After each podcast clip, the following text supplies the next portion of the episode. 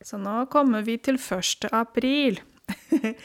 Kanskje dere vet at 1. april er aprilsnarr. Det er en lang historie. Det kommer opprinnelig fra Bibelen, tror jeg. Eh, og 1. april er aprilsnarr i mange land og mange kulturer. Og jeg tror at mange av dere forstår hva det er.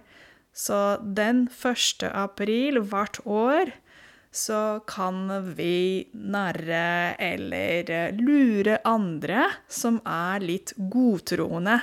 Og når du er godtroende, det betyr at du har blitt lurt. Eh, for eksempel eh, Et eksempel på aprilsnær er eh, en person som går på baderommet, som skulle pusse tennene. Og når denne personen pusser tennene, så blir det plutselig veldig rødt i hele munnen.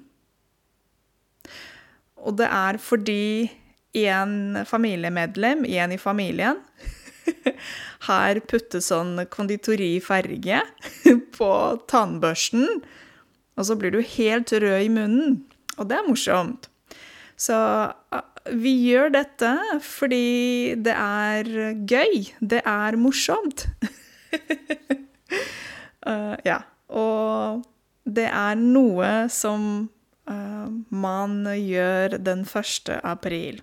Okay? Det er uh, sikkert noen aviser som kommer opp med noen morsomme artikler. sikkert på sosiale medier, en del sånne ting. Så det er morsomt. Så jeg ønsker dere en uh, morsom 1. april. Og vi høres vel i morgen igjen. Ha det bra.